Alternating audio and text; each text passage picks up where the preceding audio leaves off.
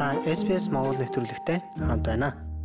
Австралийн засгийн газар олон улсын оюутнуудад зориулсан ажлын цагийн хязгаарлалтаа сэргээхэр болсноо зарлаа. Ингээд 7 дугаар сарын 1-ээс эхлэн оюутнууд 14 хоногт 48 цаг ажиллах хэрэгтэй болж байна.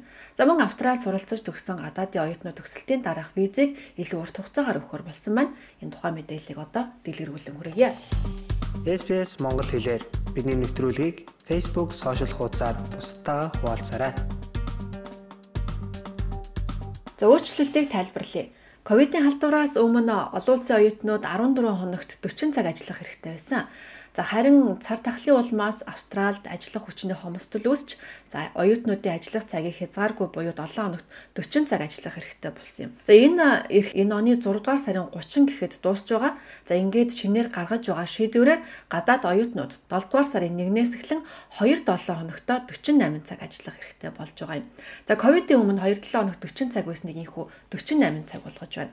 Сүүлийн үед монголчууд Австралид оюутны визээр ирж байгаа. Тэдний нэг оюун гэрэл Сидней Монголын хотод өнгөрсөн оны 11-р сард ирж их сургуульд сурж байгаа юм. Түүний хувьд хязгааргүй ажиллах хэрэгтэй байсан нь Австралид хөлөө олоход ихэд дэм тустай байсан гэж ярьж байна. Манай сургуулийн хувьд бол нөгөө нэг семестрээс семестрийн хооронд 2-оос 3-7 хоногийн урт хугацааны амралттай энэхүү амралтаараа арай түлхүү цаг ажиллах боломжийг нь ингээд хязгаарлаж байгаа юм л да. Хэдийгээр бидний хувьд сурах нь номер 1 зорилго маань хэдий ч манай улсын оюутнуудын хувьд бол энд сурахын хажуугаар ажиллах, ажиллаж багахан хэмжээний орлого олох бол шаардлагатай. Энэ нь бол нөгөө нэг яг 48 цаг гэдэг маань нэг хязгаарлалттай тулгарчж байгаа юм бол да. Харин бидний сэтгэлдлийг нь сонссон дараагийн оюутан бол Мельбурн хотод суралцж байгаа болормоо юм а.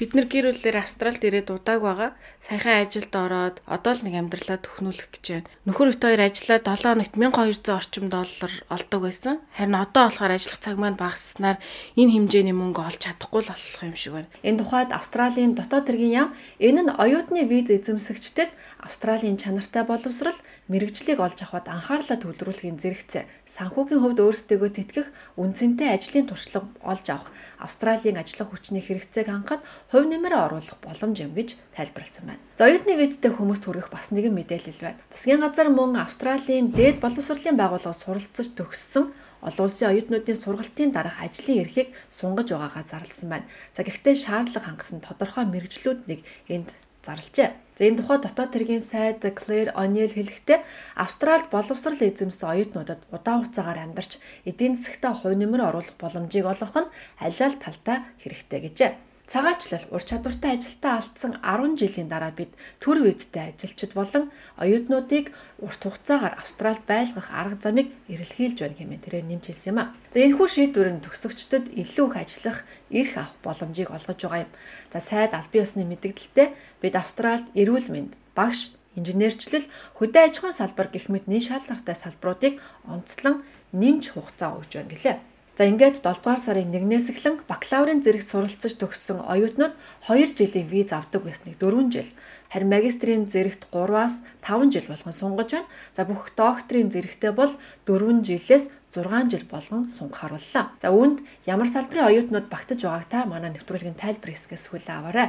Австралийн боловсролын сайд Джейсон Клэр хэлэхдээ бизнесүүд ялангуяа орон нутгийнхан ур чадвартай ажиллах хүчнийг ирж хайсаар байна гэсэн юм а. За бид хөгжингүү орнуудад тохиож байгаа хоёр дахь хамгийн том ур чадвартай ажилтны хомсдолд ороод байна. Ур чадварын хомсдол хаа сайгүй байна гэж Доинклер хэллээ. Энэхүү ажиллах эрхийг урт хугацаагаар сунгаж байгаа гадаад оюутнууд баяртай байгаа ч ажиллах цаг нь хязгаарлагдаж байгаад тэд зомнож байна. Аделаид хотод зочлох үйлчилгээний салбарт суралцдаг энэтхэг улсын иргэн Навшен Качро Австралид амьдрах байр, хүнс, сургалтын төлбөрөө олохын тулд 7 хоногт 48 цагаас илүү ажиллах хэрэгтэй байдаг. За түүнчлэн одоо Австралид амжиргааны өртөг нэмэгдэж байгаа ч гадаад оюутнууд улам их дарамт болж байна гэж тэрээр хэлсэн. Амжиргааны зардал түрээсийн төлбөр нэмэгдэж ажлын цагийг хязгаарлах нь над чиг олон улсын оюутнуудад ихээр нөлөөлнө байхаа гэж тэрээр ирсэн юм а. Энэ нь миний санхүүгийн байдал том цохилт болно гэж нэмж хэллээ.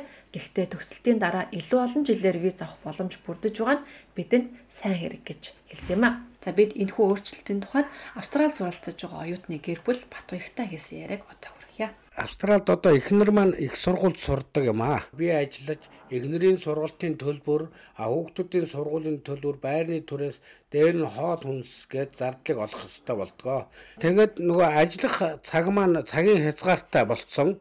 Тийм болохоор одоо сүүлийн үед юмны үн өсөд байгаа болох тээр э, одоо сайн яаж зохицуулахаа сайн мэдэхгүй л болж байна. За түүний эхнэрийн хувьд төгсөөд урт хугацааны виз авах мэрэгжлийн жагсаалтанд байхгүй учраас энэ удаагийн шийдвэрийн үр дүнг хүртэх боломжгүй гэр бүлүүдийн нэг болжээ. За бид ямар ямар мэрэгжил энэхүү урт хугацааны визийг авах. За мэрэгжлүүдийн тухайдуулан за хэзээнээс хэрэгцэж эхлэх монголчуудын мэдэж авах хэвээр мэдээллүүдийг хүргэхээр эх 7 хоног та бүхэндээ ярилцлага хүргэхээр ажиллаж байна.